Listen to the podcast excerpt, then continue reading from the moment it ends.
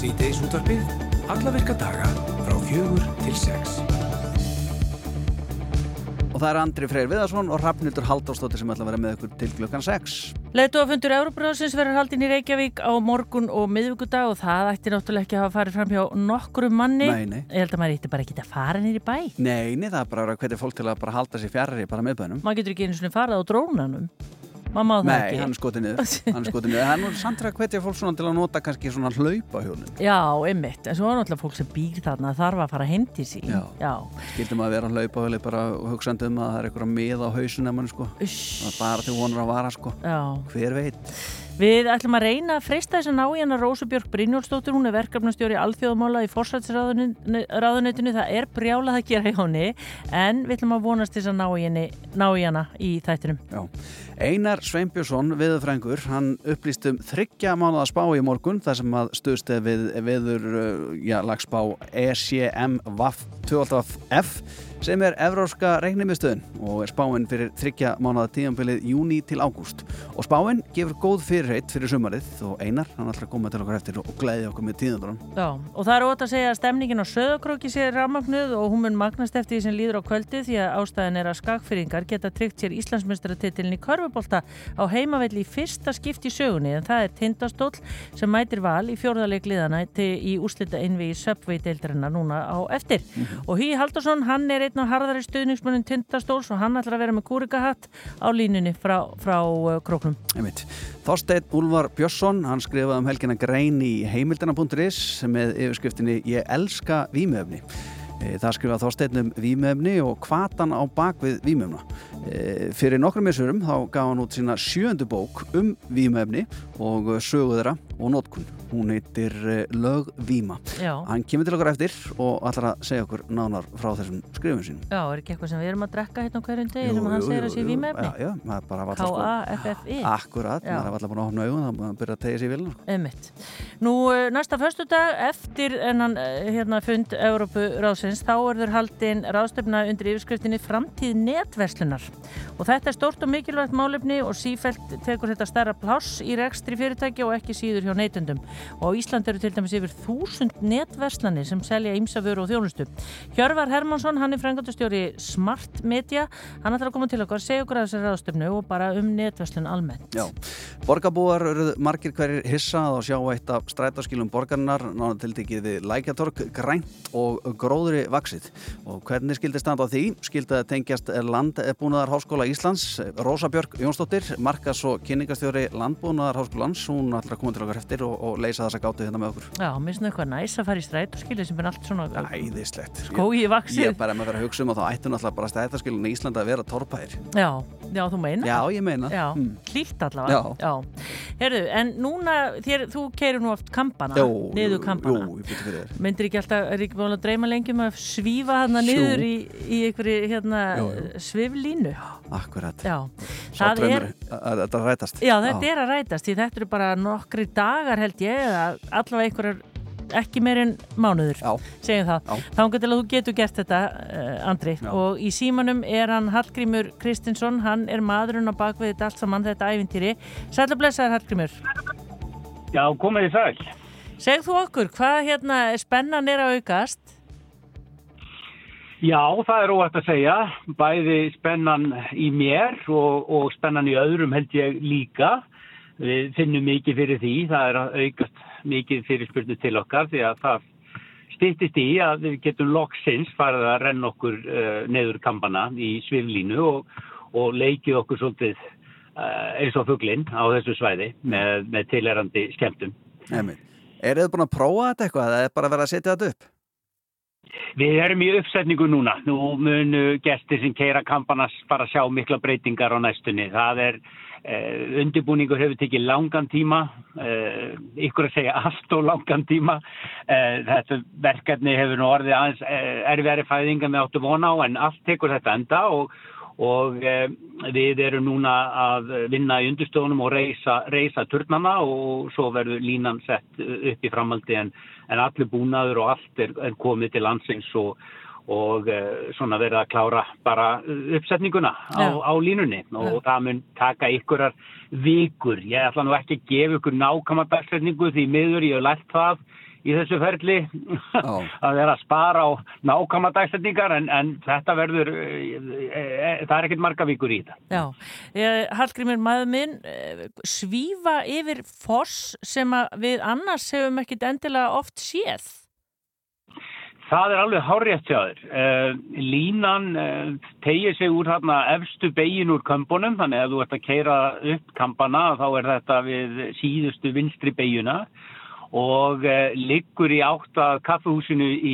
Reykjadal og, og, og þú lendir þar á, á palli, lendingapalli sem er mitt verið að smíða núna við gungulegina inn í, í Reykjadal þar sem að brúin, brúin er þarna yfir, yfir ána og lína likur niður með gljúri sem heitir svartagljúur og þetta er bara falin náttúruperla því að vega aukslinn, uh, hún felur þetta fyrir hefbundin aukumann. Það er það helst fólk sem er í rútu eða háum bílum sem sé svona móta fyrir þetta gljúur en þetta gljúur er ofboslega fallegt og, og það sem hefur kannski komið mér mest óvart í þessu þessari vefferð er að hvað margir hvergerfingar eru að uppkvöta þetta í fyrsta skipti, reynlega vissu ekki af þessu. Og eh, ferðin er þannig að við keirum þig af gljúfrinu og, og þú gengur síðan upp með því og það er ekki síður hluti af, af upplifinu því að í þessu gljúri er, eru flúður og fossar og, og alveg hérna undir eh, flugturninum eins og við kjósum að kalla eh, hérna efri turnin, flugturnin, að það er stórkosla falluðu foss. Já. Nú eru kannski allir sem að átt að segja um hvað við erum að tala en þetta er svona í raunni þá er þetta vír sem er steindur þarna niður kampana og það er þetta að hengja fólk á vírin og það rennur niður í tilhengandi búnaði. Já, einmitt. það er alveg háréttið. Þú rennur á vír, þetta er svona aparóla á styrum. Einmitt, einmitt, einmitt. E, veistu... Þetta er svona Disney, Disney af aparólu og uh, við Við munum bjóða upp á tvær eh, tvennskonar ferðir, það er annars sem getur setið, þetta eru sér hönnuð eh, belti, hönnuð út frá sviðdregaflugi og, og, og þú getur setið og leginir niður og þá áallir við að þú færir svona 70-90 km hraða. Og svo bjóðum við upp á það sem við, við kallum það fugglinn, því þú flýgur frjálsins á fugglinn og uh, síðan bjóðum við upp á uh, að ligg liggja með höfu undan og hvernig það fálkin og þá færðu nú eh, öllu hraðar og verkræðingarnir segja mér 100 til 120 km hraða wow. og já, þannig að þetta er, þetta er ofsalega skemmtilegt, eflust margir sem hafa prófað þetta ellendis en, og, og, en þetta eru þúsund metrar, þetta eru heilt kílometr sem þú svífur og þetta eru tvær línur hlið þannig að aðalar hjón eða pör eða vinir geta, geta farið saman og keft staðins á leðinu niður mm hver, hver fer nú hraðar. Já. Er aldurstakmark í þetta? Það er aldurstakmark, uh, já, uh, við setjum aldurstakmark í nýja ára en það sem kannski meira skiptir í þessu samengi er þingdartakmark.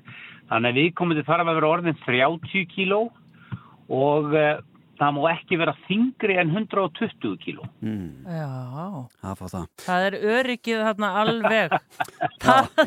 Já, við, þetta er gífulega við erum með kanadíska aðela sem er að hönnu þetta og, er að smíða þetta og reysa fyrir okkur og, og það var ekki tilvíðlega við völdum þess aðela öryggis kröfunar og staðallin sem við erum að vinna með eru mjög háar. Eh, og eh, meðal annars er alls konar búnaður, það eru hlið og, og, og búnaður sem lesum á bremsan sé á réttum stað, að það er nemi sem nemur að fólk sem er far, lendir er farið út af pallinum, fyrr er ekki að hleypa fólki inn á pallin uppi og svo frammeð, þannig að það eru miklar, mikil öryggi, mikil öryggi í kringum þetta. Já. Og, og þetta verður, og gaman að segja frá því, líklega taknilegasta sviflína í heiminum því ekki bara er hún með mjög taklilegan örgisbúnað en eldur er, verður við líka með mjög fullkomið myndavilakerfi sem tekur myndaður að fljúa niður frá fimm mismöndu sjónahotnum splæsið því saman og það er bara tilbúið þú kemur úr línunni fyrir því. Hérna, Já. En verður þetta, ég menna nú erum við á Íslandi, hva, hvernig sjáu þið fyrir ykkur svona yfir harðasta veturinn? Við erum að áallega að hafa opið á veturnar, það verður auðvitað færri, færri ferðir og, og eflust minna af fólki en það er ekkert viti fyrirstöðu að hafa þetta opið á veturnar svo fremur sem veðrið leiði okkur það. Það er ákveðin eh, vindtraði sem gerir það verkum að við, við getum ekki unnið og svo þetta ef að skiknir ekki neitt þá er þetta kannski ekki gaman. Eh, þannig að við vitum alveg að það verða dagar þar sem verða lokaðir en, en almennt þá er áallin að vera með þetta opið og eh, sem dæmum það þá var ég í, janúar að, renna mér neður sviflínur í, í Kanada og þar verður kuldin töluverður og meira en hér mm -hmm. þannig að maður það bara klæða sig vel Já. Hallgrimur, verður við í rólunni eða sviflínu fyrir fyrsta júli? Já Ok Og, og hvað kostar... Ef við ekki að segja það. Jú, við skulum gera það. Og hvað kostar buna niður? Eh, við verðum með svona sömarverð. Eh, það verður 7.900 fyrir fugglinn og, og, og 9.900 fyrir, fyrir fólkan. Mm. Og eh, ég hvet fólk til að byrja á fugglinum. Það er alveg geggjað og ef að fólk finnst það gaman þá getur það að hækkas upp í fólkan. Já. Og, Þannig að þetta eru svona verð sem að ég held að þú sjáu nú ekki mikið í afþreyingu. Þú veist nú yfirleitt að tala um verð sem eru umtalsvægt herri, hvort sem þú ætlar að hessbakka eða velsliða eða annars líkt. Þannig að við erum að vonast til að þetta svona gerir það verkum að, að, að fyrirskildur geti heimsótt okkur ekki síður en, en ferðamenn og ofuhugar. Já, spennandi. Við fylgjumst vel með hérna í sýtiðsútvarpinu. Hallgrímur Kristinsson gangi okkur bara vel með hérna loka nikkin og bara Sjáum stress, við ætlum að mæta. Ég sjáum fljúandi í sumar, takk Já, fyrir. Takk fyrir, bless. Andri, þú fer í fálkan, Nei, ég mun já, aldrei ég, fara neitt en ég, sitjandi og ef ég þá þóri það. Já, ég við þurfum eiginlega, sko, eitthvert á okkur hér úr síðdeisútrafnum þarf að taka þetta á sig að fara í uh, þessa línu með hljóðnumann og lýsa því sem að... Það er þú það dæmist á því. Nei, ég, ég get ekki ég, talað og farið þarna niður, það er alveg á hreinu. Þú getur alltaf að tala hreinu. Eh, þannig að við þurfum að draga spilhreinlega og, og, og, og fá úr því skorið hver ferðar niður. Þú ert að hlusta á síðdeis útvarpið á Rás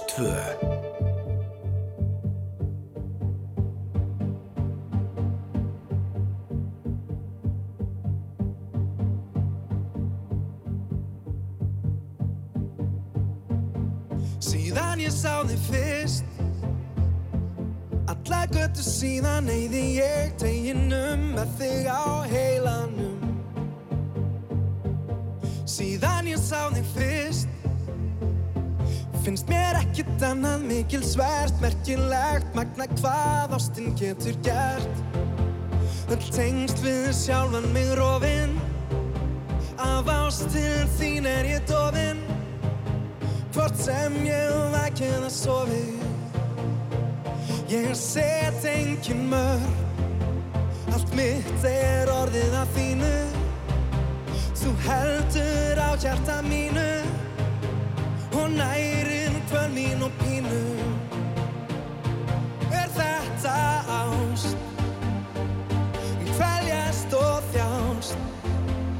Eins konar ást. Er það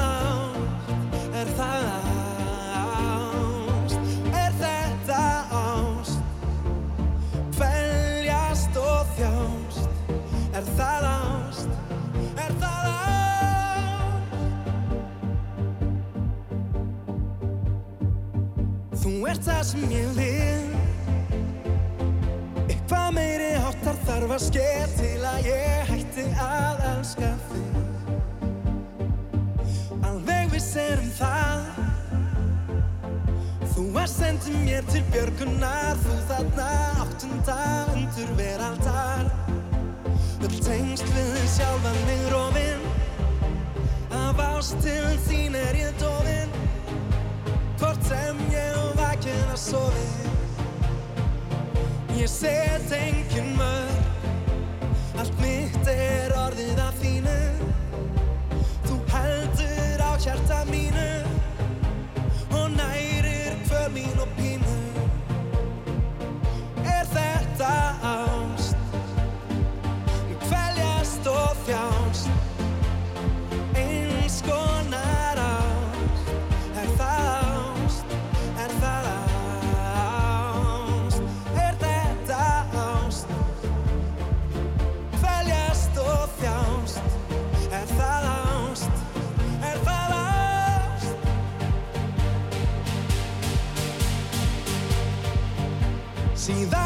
þig fyrst Allar göttu síðan eyði ég teginum með þig á heilanum Ég er fastur í vef Svona líður allir dagurinn, líka minn, fókusinn er alltaf á þér. Öll tengst við sjálfa mig rofinn, af ástuð þín er ég dofinn. Hvort sem ég ekki það sofinn. Ég set engin mörg, allt mitt er orðið af þínu. Þú heldur á hjarta mínu og nærir hvöl mín og pínu. Er þetta ást? Í kvæljast og þjást, eins konar ást. Er það? Er það ást? Í kvæljast og þjást, eins konar ást. Er það ást? Er það ást?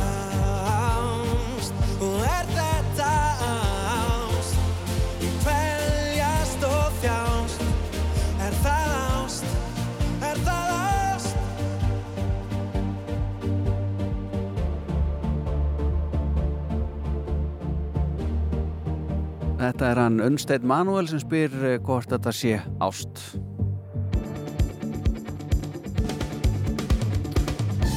Borgarbúar urðu margir hverjir hissa að sjá eitt af strætóskilum borgarinnar sem er nána tiltekið við Lækjatorg. Það var orðið grænt og gróðri vaksið og Andri hafði nú orðaði hérna strætóskila ættu bara að vera svo torfbæir. Já. Þá væri mann alltaf heitt og það væri notalegt. Umhverfisvænir og...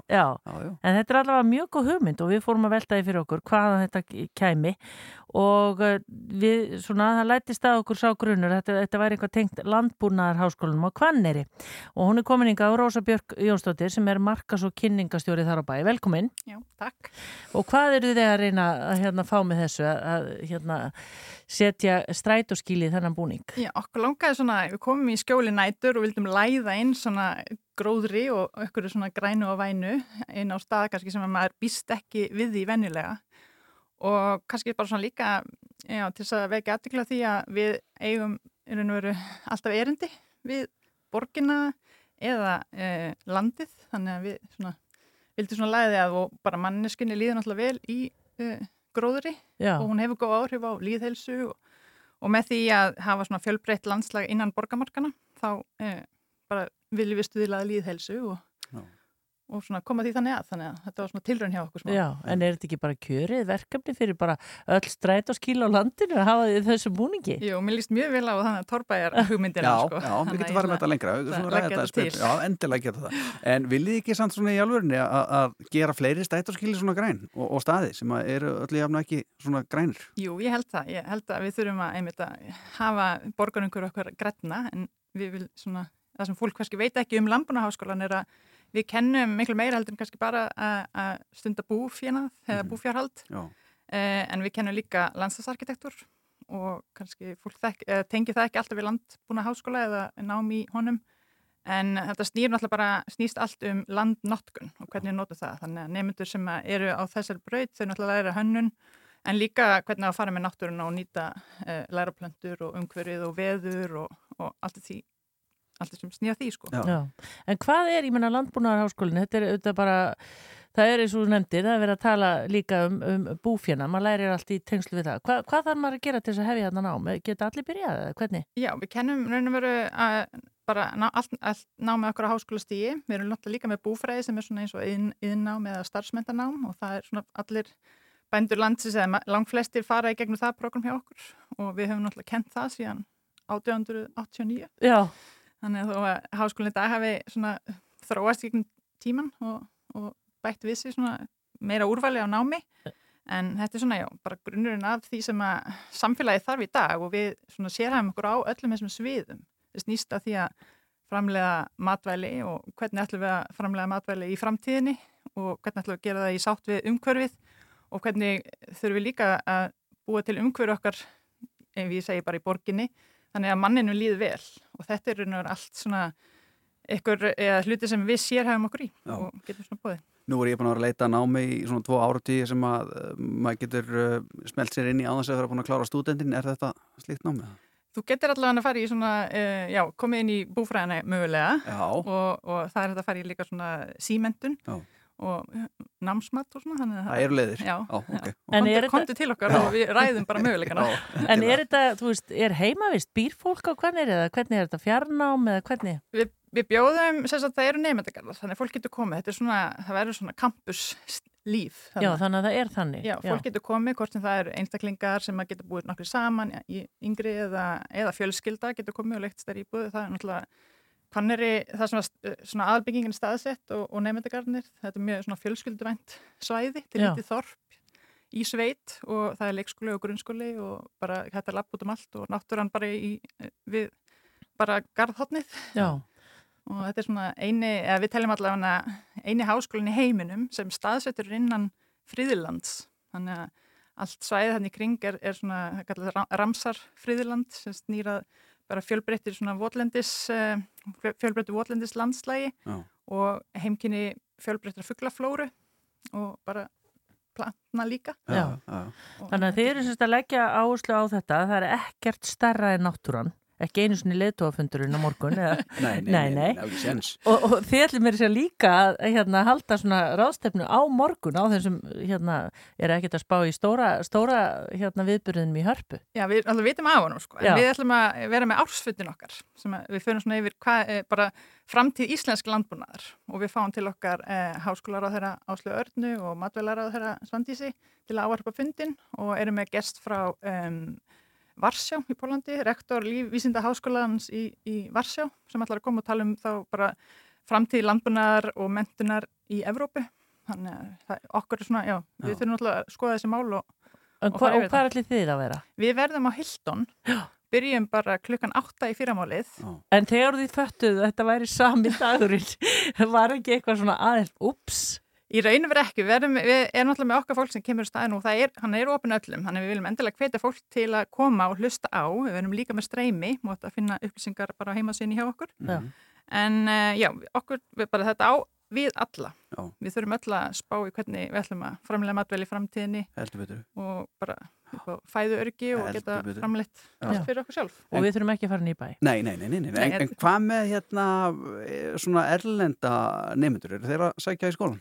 Já, við fáum nefnilega mjög mikið, svona, já, mikill áhugi erlendis frá að koma í skiptinám til okkar og við erum líka mjög öflugi í alþjóðlegu samstarfi og erum með bara þó nokkuð mikið alþjóðlegum brautum og, og, á meistarastíði sérstaklega og erum svona að spá í já, umhverfisbreytingar á norðurslóðum en við séum okkur náttúrulega í svona hlutunum sem er gerast í lofslagsmálum, umhverfismálum, landnotkun uh, á norðurslóðunum Mhm. og erum í samstarfi við aðra háskóla þannig að það koma mikið já, erlendum aðlum og áhugasum aðlum sem er að koma á bæði í nám, í, í skiptinám eða sem vísendamenn að rannsaka svæðin þannig að Já. það er svona kannski oft svona þekktar jafnvel erlendis. En er það ekki líka íslenski hesturinn og jú, svo erum við með við, e, skólinn á, sko, er, er á mjölkubú eða kúabú og e, við erum með sögfjárbú og svo erum við með hestamiðstöð þannig, og allt þetta stóra landsvæði Já. og erum að taka þátt í núna mjög skemmtilega verkefni að kom til okkar sem sagt, allir skóla, öll skólastígin á svæðinu, það var leikskóli, grunnskóli, mentaskóli og háskóli. Og það kom allir saman að, að skrásitja líffræðilegan fjölbreytileika. Og við erum að taka þátt í alþjóðlegri e, áskorun, þar sem við ætlum að reyna að skrásitja þúsund lífurur á háskólakampusnum eða svæðinu. Og bara, já, ætlum að þúsund? Já.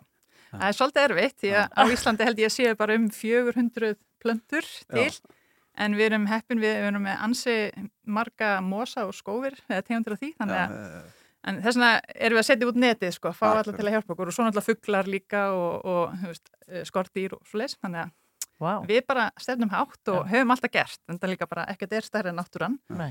Þannig að við ætlum bara, já, við hugsum stórt og, og erum bara á flegi ferð og viljum bara fá fólk til okkar Já, frábært Rósa Björk Jónsdóttir, markas og kynningastjóri Landbúnaðar Háskólans sem að bera ábyrð á uh, strætóskilinu við Lækjatorg sem að vegfærandur hafa væntalega verið að hérna, Já. furða sig á. Hvað gengur hérna? Það er ekkert að vera í friði hérna. Nei, heyrðu, alla nánar upplýsingar inn á heimasíðin ykkar. Já, Landbúnaðar, bhi.is Einmitt. takk fyrir komuna Rósa. Takk hella fyrir Rástvö Við erum Rástvö The queen of the kings running so fast spinning the wind. Nothing in this world can stop the spread of her wings. She queen of the kings broken her case through the keys. She will be the warrior for north and south seas. Got raven hair It's dark as night.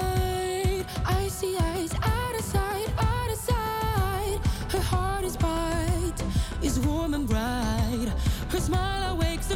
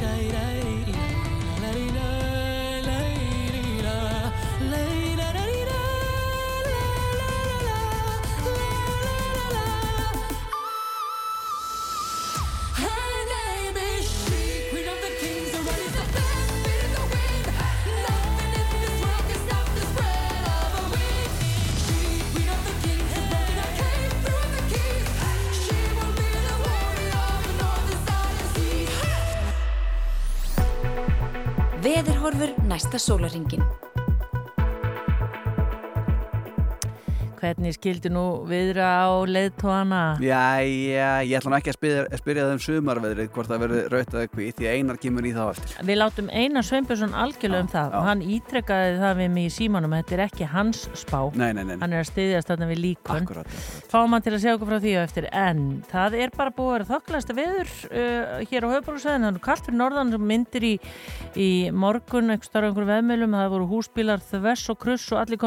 er það það bara snjóa á fjallvegum og fjardarheðinni og Já, já. Já, það er já, ekkert já. að marka þetta 15. mæ, sko Já, akkurat. Spáin er svona, norðan og norðvestan 50-15 metrar á sekundu, það verið kvassast á suðausturlandi, þurft að kalla þetta til snjókoma, takt eftir, Já. á norðaustanverðurlandinu fram á kvöld, nætur frost víða um land. Suðlega átt 5-13 á morgun og þyknar upp á sunnan og vestanverðurlandinu, rigning með köplum þar eftir hádegi, en lengst af þurft og bjart um landi norðaustanvert. Svo er hlínandi veður 5-10 stig setni partin. Það er ekkert að því. Nei. Nei, nei. Eh, gaman að segja frá því að þessum degi er þið 1897 ramldur. Þá var það hann Sigfús Eymundsson sem að fluttu til landsins talvél eða eh, grafafón og var sagt frá því öllusingum að tækið eh, geti talað og, sungið ímis lög. Já, já. Þetta er svona... Talófón. Nei, nei, nei grafafón eða talvél. Já, grafafón eða talvél. eða talvél. Ég held þetta hvað? tengi sko svona vaxhólkunum sem voru undan Já, blötunum sko. Já, já, já, já. og þetta er svona græja sem að, sem að já, Ok. Ertu með mynda? Nei, ég er ekki í verskinu en uh, Stefán Jónsson uh, myndlistamæður, hann á ammali dag fæðist þessum degur 1964 og svo var þessum degur 1987 dagur sem þú mást vel eftir þegar John Travolta kvimundaleikari kom til Íslands á svona fríðu förniti ég? Ég vissi það, Já, og hann var, viðstu það, ég er að segja það, hvaða ár var þetta séru? 87 Uh, Já. hann var náttúrulega súper, súper stjarnar sko. já, ég hérna, var held ég á kaffihúsi sem að hann Sást sást að- hann? Já, Sástu hann Já. með berum augum? Mm, og fríða förniti mm, Vá, galið. hún hefur verið allstaðar, hún er Haldarsdóttir og þessum degur 99 þá var það KVR útarpið sem að hóf útsendingar Já, og 2011 þá var það Móturöla Samn Íslands á Akureyri sem að tilnækkaði minningu heiðars Þotn Jónssonar Mhm. Móturöla kappa, það var opnað formlega já, já. magnað samt já. Magnað alveg. Já. Hvað frægur í þínum hópi sem á ammæli í dag? Ég er ekki að þylja upp ammælstæða vina minna hérna Nei, ég með hérna, það er ekkit vinur minn endilega. Hver? Talandu veður, Já, Theodor já. Freyr Herfarsson, já, já, já, já, já. Hann hefði nú móðgast ef við hefum ekki nefnt hann. já, það er rétt þér fyrir ekki það, ég tekja tilbaka Og uh, hver er Hrönn Marinós, Já. Riff, Já, kvimdátti. Hvað er ekki til þér? Engi, engi. Æ, kýrsa, tjá mikið það mála En uh, við ætlum að fara að ræða um framtíð netverslana og uh, já, það er ansið mikið að netverslunum í Íslandi og ég held að fólk áttur sig alveg að það eru þúsund, yfir þúsund netverslanir á Íslandi Já, það er mjög mikið. já, og Já. margir svona óttast að eða sumir fagna því líka, þetta sé svona bara, það sem að mun taka við en, en hver veit, við ætlum að ræða um framtíð netverslana innan rétt á eftir og uh, ákveðna ráðstefni sem er tilenguð netverslunum Mhm. Could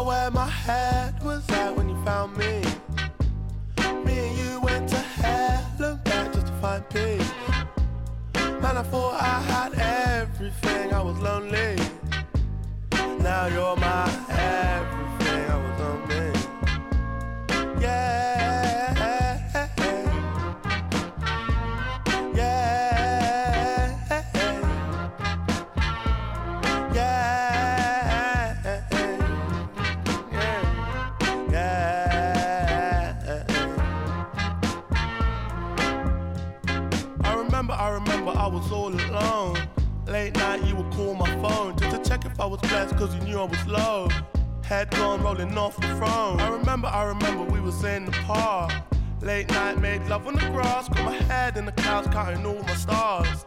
In my ear said the world was ours. Went to hell and back to heal my wounds, cause it gets like that. Wrong side of the moon, no tune car moon, you're my Cleopatra. No side thing, don't need a backer. Need a real one, don't need an actor. A lost one's fake, think you want a BAFTA. Uh, come and be my girl. Yeah. Could you tell where my head was at when you found? Me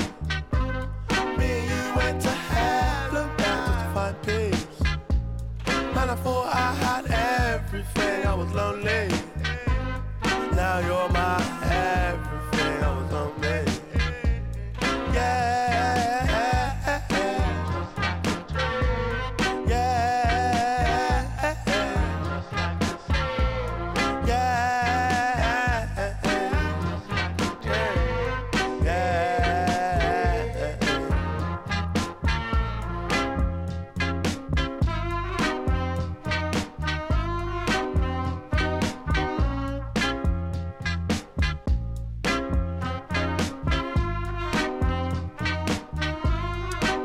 Þetta er Bakar og lag sem heitir Hell and Back og uh, við vorum að hóta því að fara að fjalla hérna um netvæslanir og við stöndum við það.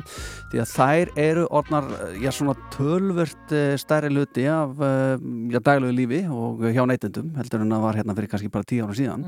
Og uh, eins og vorum að segja hérna á það eru þær orðnar yfir þúsund netvæslanir hérna í Íslandi. Já, þetta eru sem, bara verslanir sem eru til og eru svo með netverslun útgáfu líka. Já, og bara sumar verslanir sem eru bara netvæslanir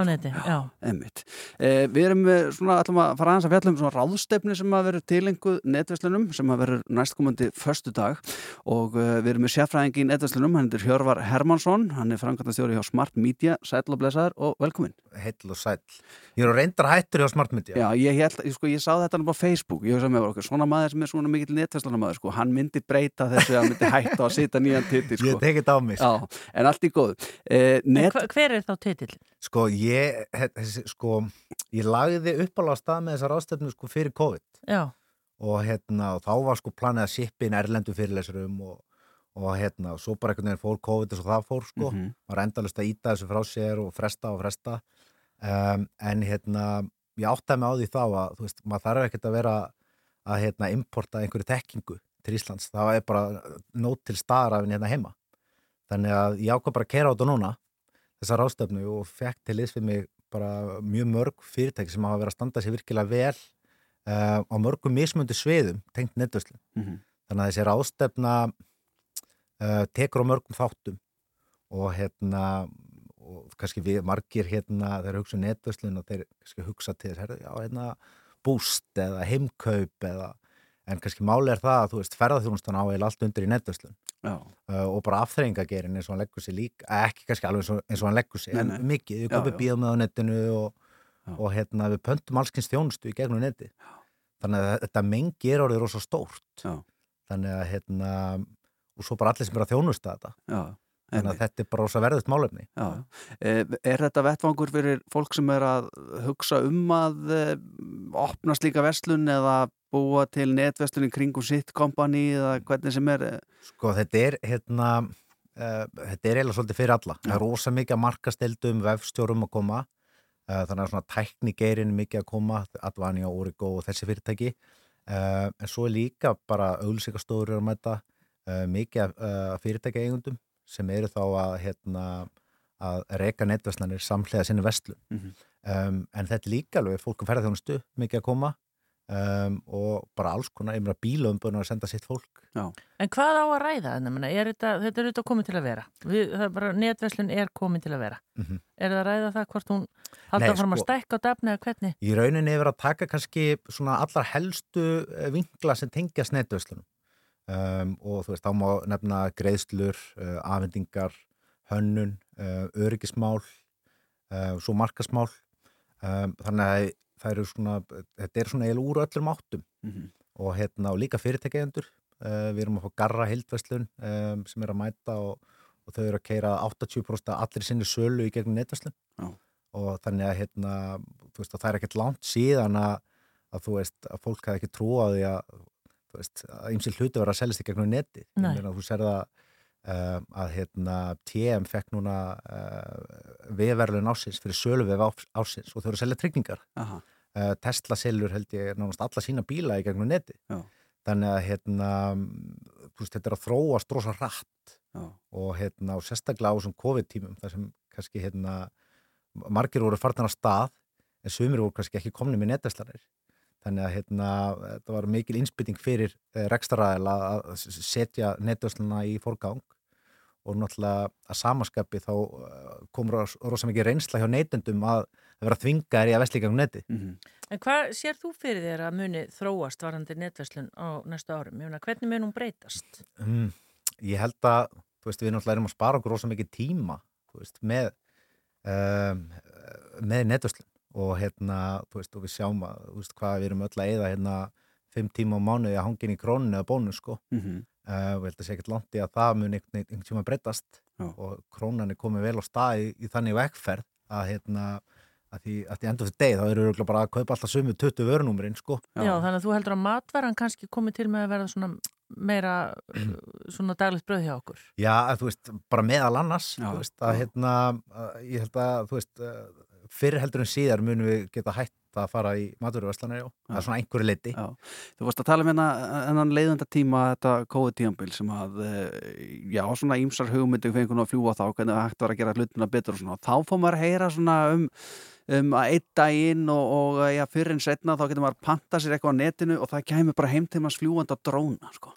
Sérðu það eitthvað stöður í hvort þá? sko, þú veist, það er alveg option en þú veist, Ísland er svolítið lítið sko, Já. þannig að þetta er svona þetta aftrar okkur, Já. en maður hefur heyrt á fattaveslunum Erlendis, Mhm. þar sem þú panta föttin og, og, og, og hérna sendingaræðilinn, hann býður fyrir utan með þú mátar sko, og tekur Það allt, drastlið sitt aftur tilbaka sko. Geggjað, sko. þannig að þetta er alveg fólk er að, þú veist, um, er að reyna að mæta þörfum neytandast svolítið langt Já, já.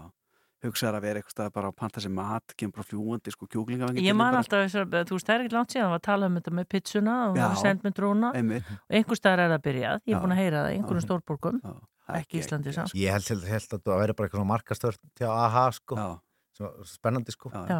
Eitt daginn maður En, en það sem maður, maður furða sig á sko, þau skipti sem maður hefur pantað eitthvað utan, hvað þetta er orðið fljótt. Þetta eru tveir til þrý dagar afhendingadagar. Mhm. Maður hugsaði sko, hvernig er það hægt? Ég menna það eru komið bara að reysa vöruhús hér. Mhm. Já, þetta er bara ótrúlegt. En þar er þetta líka kannski, uh, veist, á stærri mörkuðum, þú veist, með meiri sendingar og, og hérna, meiri traffík í gegnum vefiðin.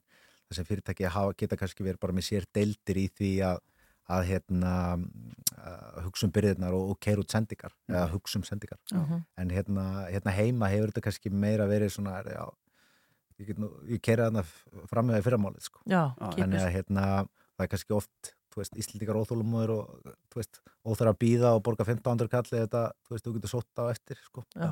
en sko en það breytir því ekki að hérna að þó að netverslinin á Íslandi sé kannski, þú veist, ekki alveg jafn sterk en þá er þetta samt sko í rauninni síningaklögin fyrir fyrirtæki þú veist, hversu oft, þú veist, fer maður í verslun á þess að vera einhvern veginn búin að að fara í þetta hefðbunda Google og, og þannig að kauphæðunin kveiknar á netinu Mhm.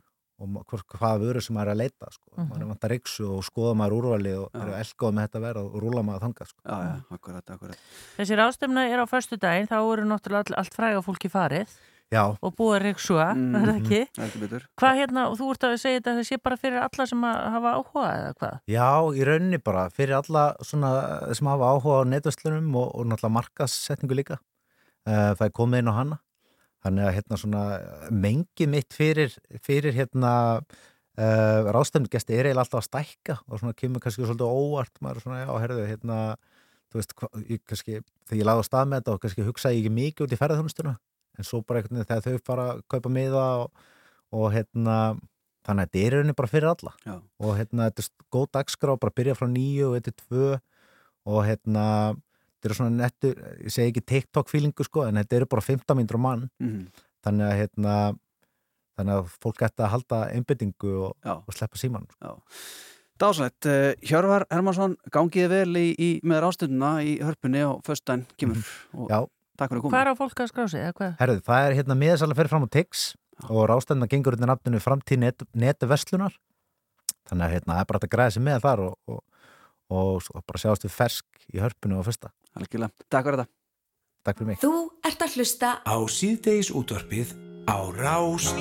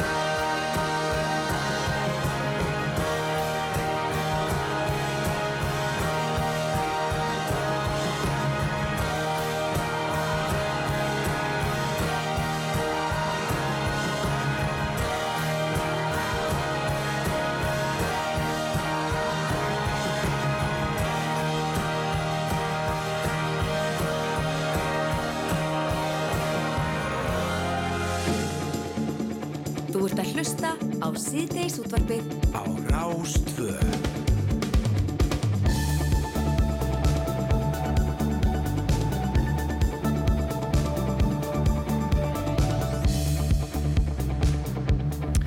Já, við fengum, uh, hvað ég voru að segja, von, haf, haf, hérna bærðist von í brjósti þegar við lásum hér já, já. Uh, færslu frá Einar Svimpisinni á bliku. Það var bara eins og var að vera kýtla okkur. Sko. Já, ymmið, því hann segir hérna að þryggjamánaða spáinn sem byrt var á dögunum gefur góð fyrirheit um sumarið og þarna er stöðust einhverjum við veður lagspá ECM 2FF sem er evróska reiknimiðstöðin. Mm. Við erum nú ekkert að skoða það á hverjum degi við Andrei hérna. Nei, nei, nei. ég kíkir nú regla á.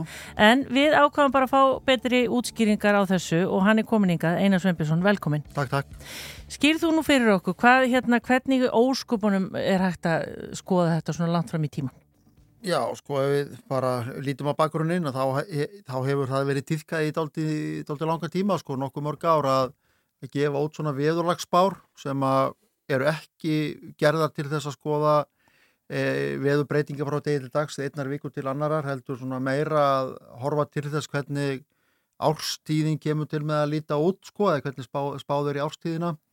E, ekki, ekki skemmra tímabili en þá þrýr mánuður í einu og þá er sko niðurstæðin einhvern veginn svona sko það verður hlýræni meðalagi eða vætusamara eða og, og grunnurinn á bakvið þetta eru í raun og einhver einhver frávik oft í sjáarhita eða einhver sem er á miðbúksvæðunum sem að mótar síðan uh, stöðu veðukerfa á okkar slóðum.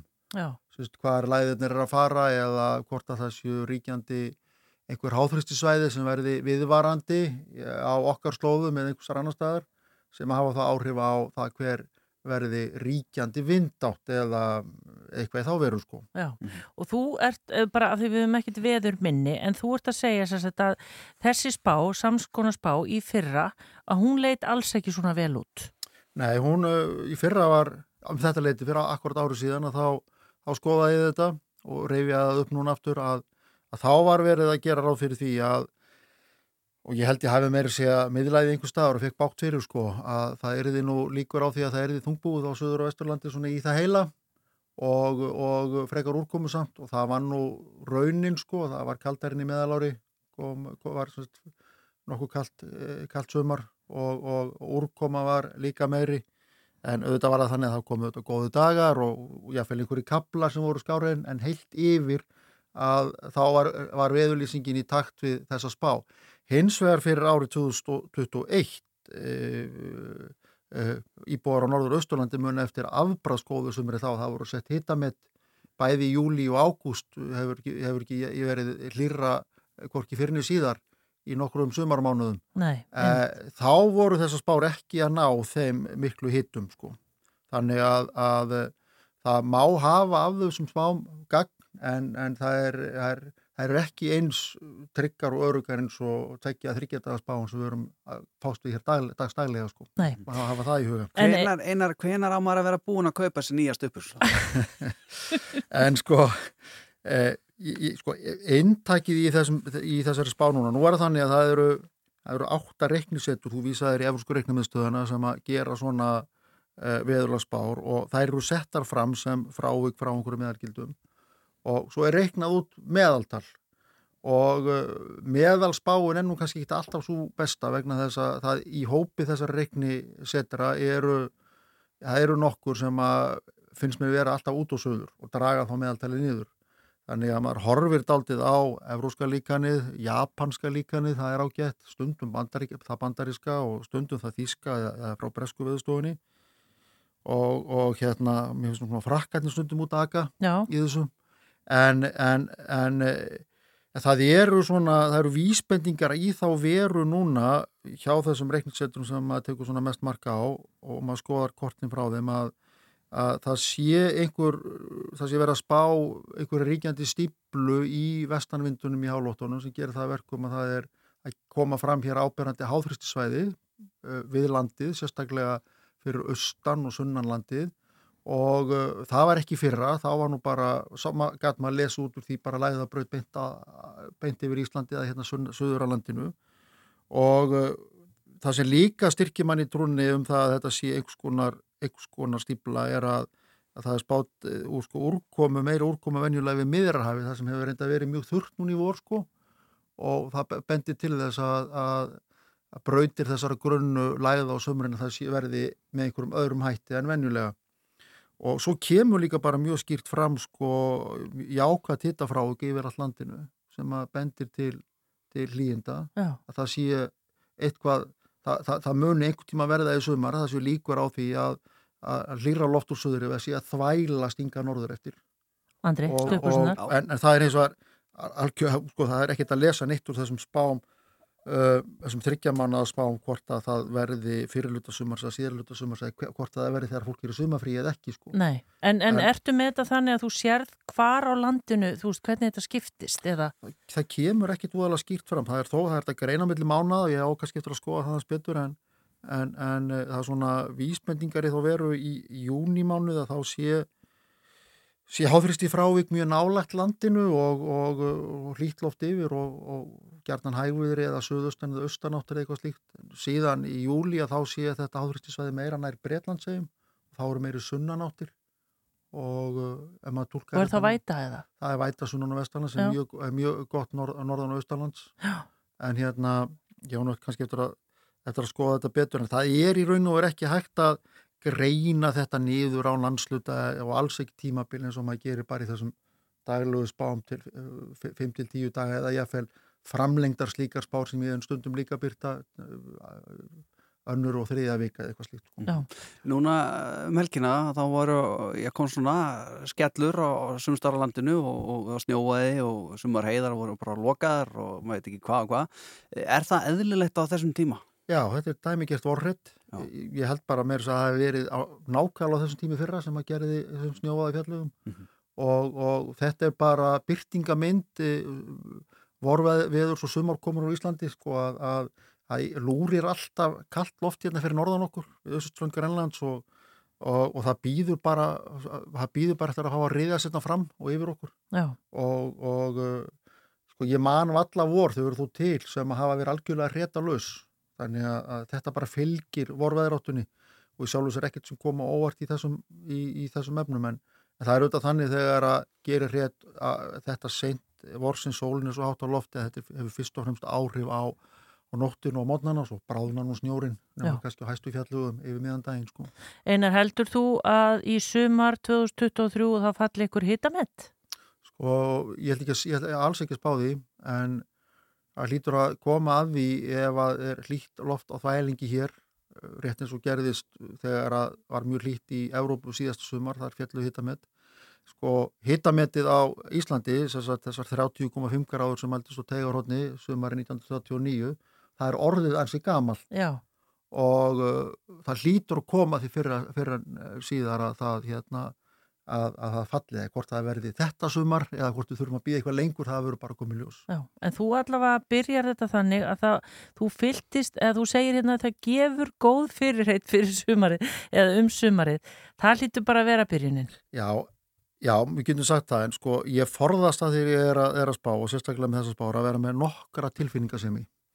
Og alls ekki, alls ekki láta stjórnast af einhverju óskheikju eða það að þetta sé einhver kristalskúla ég bara horfi á þessu kort ég Já. sé hvað þú sína reyna að lesa í óvisuna og svo setji þetta fram, ég hefði alveg geta sett þetta þannig og sagt bara húra ég býja, loksins verður lít sumar eða eitthvað slíkt. En, en hérna en, en, en maður svona maður verður að líta á þetta daldi blákallt en láta samt sem að auðtölunar og frávíkinn tala sínu máli og reyna, reyna, reyna að, að tólka þær. Og það er stundum, stundum er þetta bara í á góða vegu eins og núna. Og uh, maður hópa svo sem ekki tóra þó að spáum sér þannig. En svo hafa líka komið uh, svona, hafa komið svona sumansbár það sem maður hefur hinn, á, hinn, hinn, sem hafa verið svona frekar fúlar.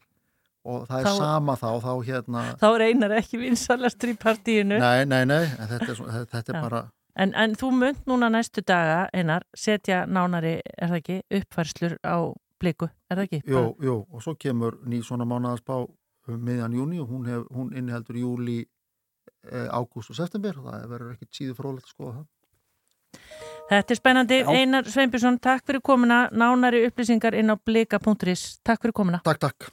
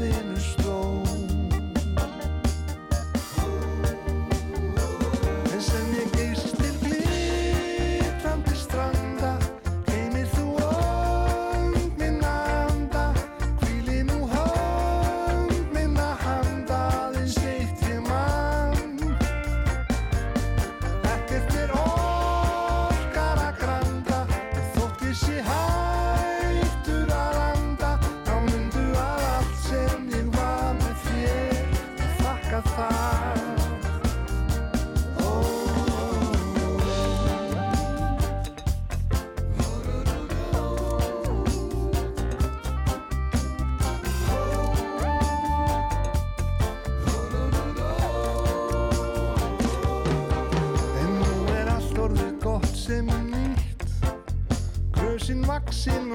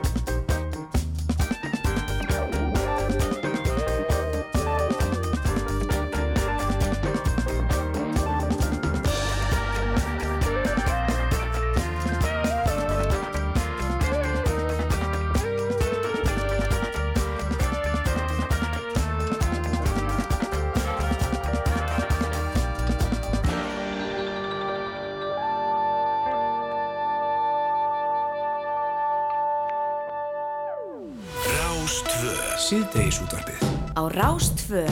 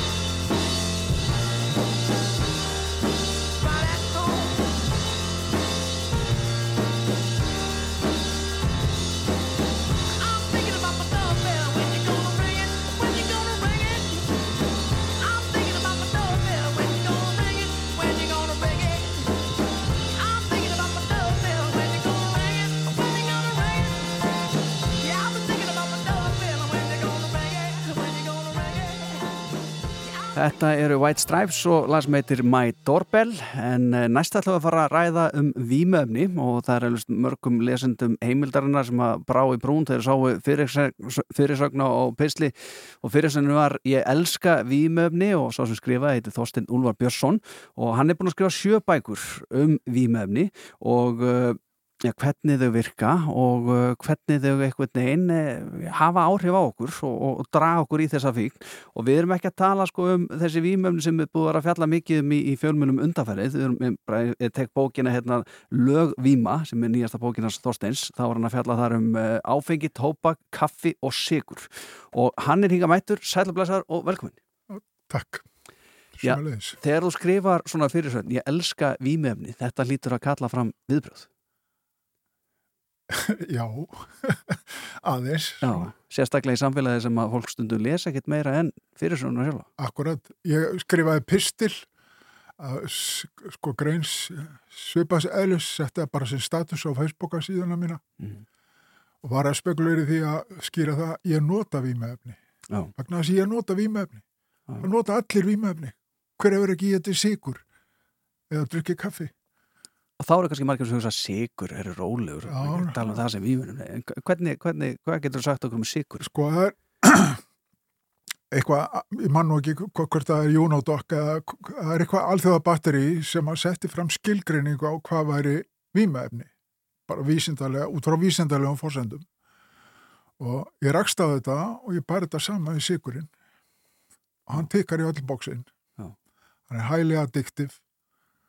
Eða uh, hann veldur profound changes of, in chemistry in the body. Mm -hmm. og það er svona, þú veist, eitt og annað og bara það er alveg sama hver maður hvað maður skoðar, já, þetta áviðum sigur þannig að ég fór að skoða aðeins sigurinn og svo rekst ég á fyrirlastur á YouTube með Robert Lustig. Eða Löfkin mm -hmm. og sko ég satt bara algjössanlega stum og það var með sigurinn oh.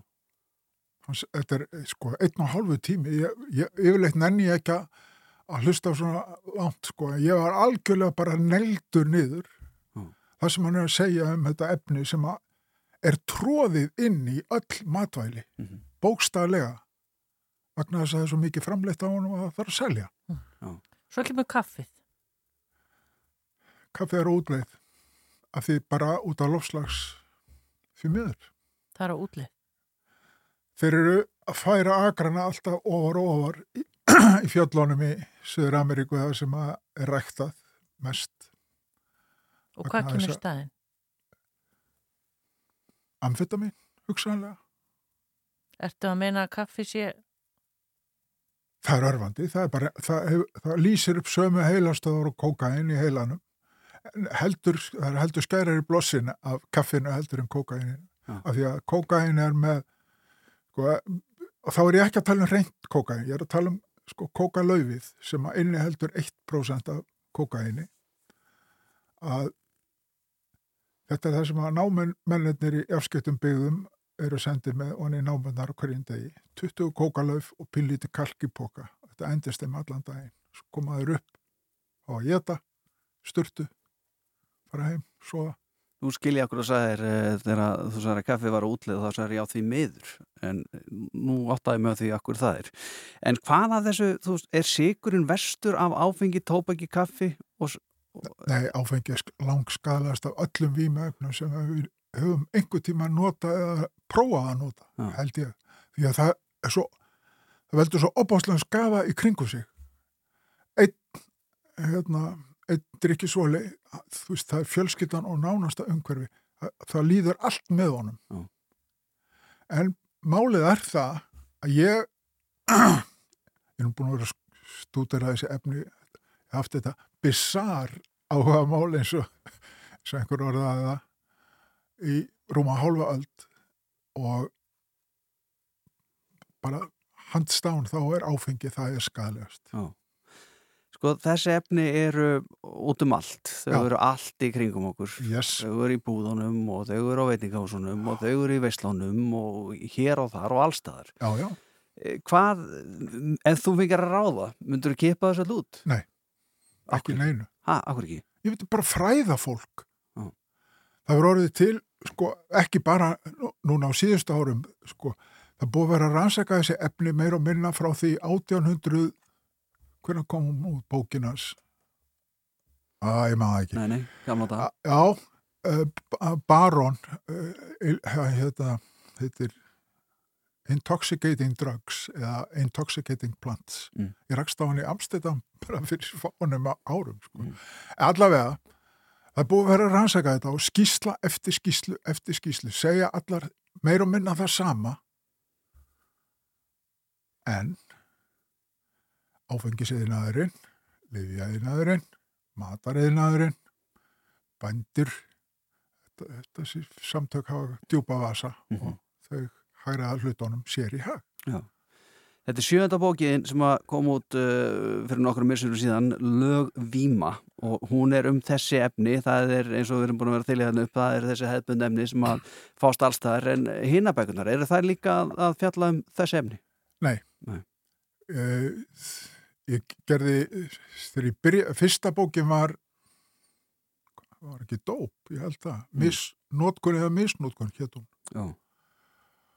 þar sem að ég tek fyrir öll efni svona sem að eru almennt í nótkun einhver staðar, einhver tíman og eh, sem að við þekkjum af og nokkur svona obskjör sem eru hverki nótun nema bara eins og kafa er bara notað á söðurhafsegjum, það er hverki notað annar staðar og ok, svona er þetta notað svona hefur þetta verið notkunin miða við það sem við vitum nú.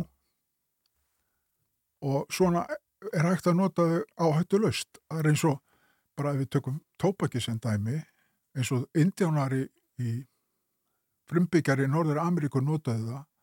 Þá var þetta notað sem sko ritual. Þeir fóru að trippa því. Ég menna þú trippar af tópaki ef að þú reykir svona rá tópak sem er ekki sko búið að meðhöndla af stóru tópaksfyrirtækjunum til þess að gera það meira ánætjandi lengja hillulífið hjá kaupmanninum og græða meira. Þetta er, er bara þessi þrjú markmið sem stóru tópaksfyrirtækin hafa. Ekkert annað. Mhm. Bara hlutafarnir eru nummer 1, 2 og 3. Uh, nú tapaði ég þræði. Já, já, allt í góðu. Ég ætlaði bara að benda fólki að það þásteinn að, eh, já, þú, eh, eins og ég segi að hérna rétt á hann, þú er búin að gefa út sjö bækur og fyrir fólk sem vil kynna sér nánar þessa lögvímu til dæmis eins og bókiði nýjasta heitir Já. sem eru þessi drikkir og svo ferður náttúrulega eh, já, út um allt í hinnum bókanum já, já, já, já. og þetta er fræðandi bækur, þetta er ekki til þess ætla að hvetja fólk til að nota efni, Nei. heldur svona Gera í öllum mínum bókum. Þetta er skadaminkur. En af hverju hefur svona mikið áhuga á þessu? Ég ólst upp við mikinn alkoholisma Mm. og ég héti að þá að ég skildi aldrei bjóða mínum pannum upp á það sama.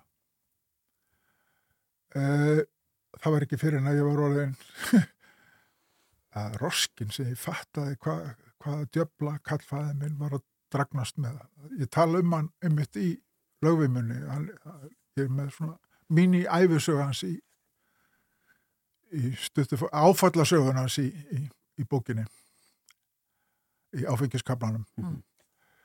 Eh, og ég bara, ég bara trúi því af því sem ég hef lesið og sko, bói, eftir að interneti kom, það er engin ástæða fyrir fólk að vera óupplýst vegna þess að bara á hverju ári, í hverju fokkins viku er að koma nýjar og nýjar rannsóknir út. Ég er áskrifandi af batteríi sem heitir Science News, þar sem að er tíunda alla rannsóknir sem koma út í, sem sagt, í vísindum. Uh, Megnið að þessu, svona kannski 60-70% er eitthvað sem ég hef engan áhuga fyrir það um fjallar um eitthvað sem bara bla bla bla bla. En það eru þarna sko sálfræði, mannfræði, uh, livjafræði, læknisfræði, það sem að fellur undir mitt á. Og það er, þetta, sko, það er svo yfir fullt af upplýsingum. Og akkur á maður þá að vera að taka einhverju sjansa með lífsitt bara að kynna sér. Og þess vegna ef ég haldi því fram í mörg ár.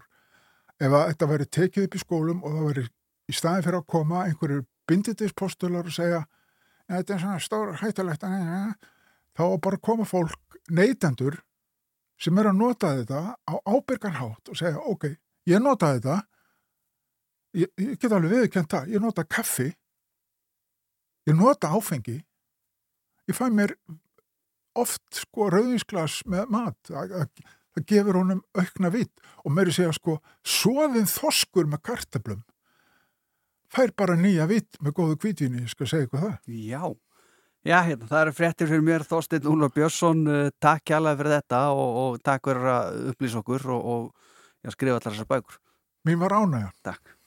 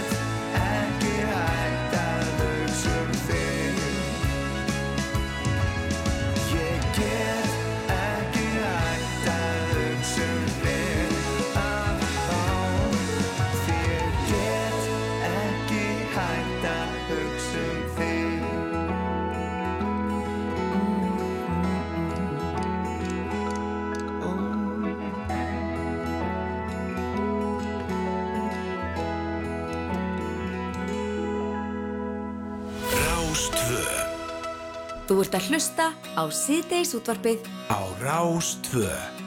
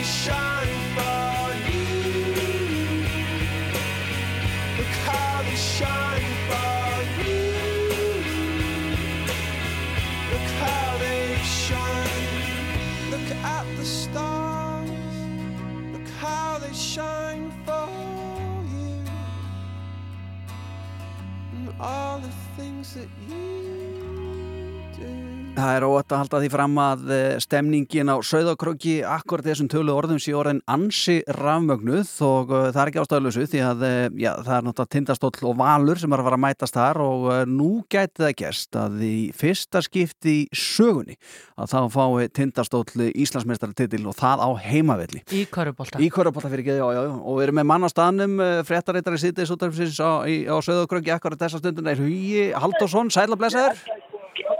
Já, sælir. Hvernig er stemmarinn á króknum?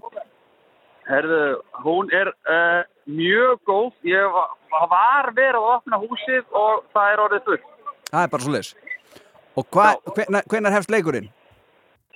Leikurinn hefst uh, 15 mínútur yfir sjö og uh, ég veit ekki hvort þú heyrir en uh, þeir eru, gættismenn eru að kera hérna í, í svakala stemningu. Já. Það var, orðið, það var orðið fullt hérna klukkan hóttir yfir þrjú var orðið röð fyrir utan. Vá. Hefur þetta gerst áður? Uh, aldrei, Tindastótt hefur aldrei verið í þeirri aðstöðu að geta orðið Íslandsmeistari á heimavelli. Þannig að eðlilega er eftirvæntingin ólýsum. En hvað, og væntalega hefur ekkert verið unnið á króknum í dag? Heyri reyndar ekki hvað þú segja því niður. Ég er að ímynda mér að það hefur allt bara leið. Nei, við getum ekki Nei, talað við hann. nei, nei, það er allt í Þetta er góðu. rosalegt. En svona er þetta, þetta, er, þetta er stemningin, já, já, mænti ég tindastólsmönnum með kúrikahattana og Hugi Haldarsson, hann er með kúrikahatt. Heyrðu eitthvað í ykkur núna, Hugi? Já, jú, heyri, Já, heyri já. betur. Ég heldur sé að stríð honum.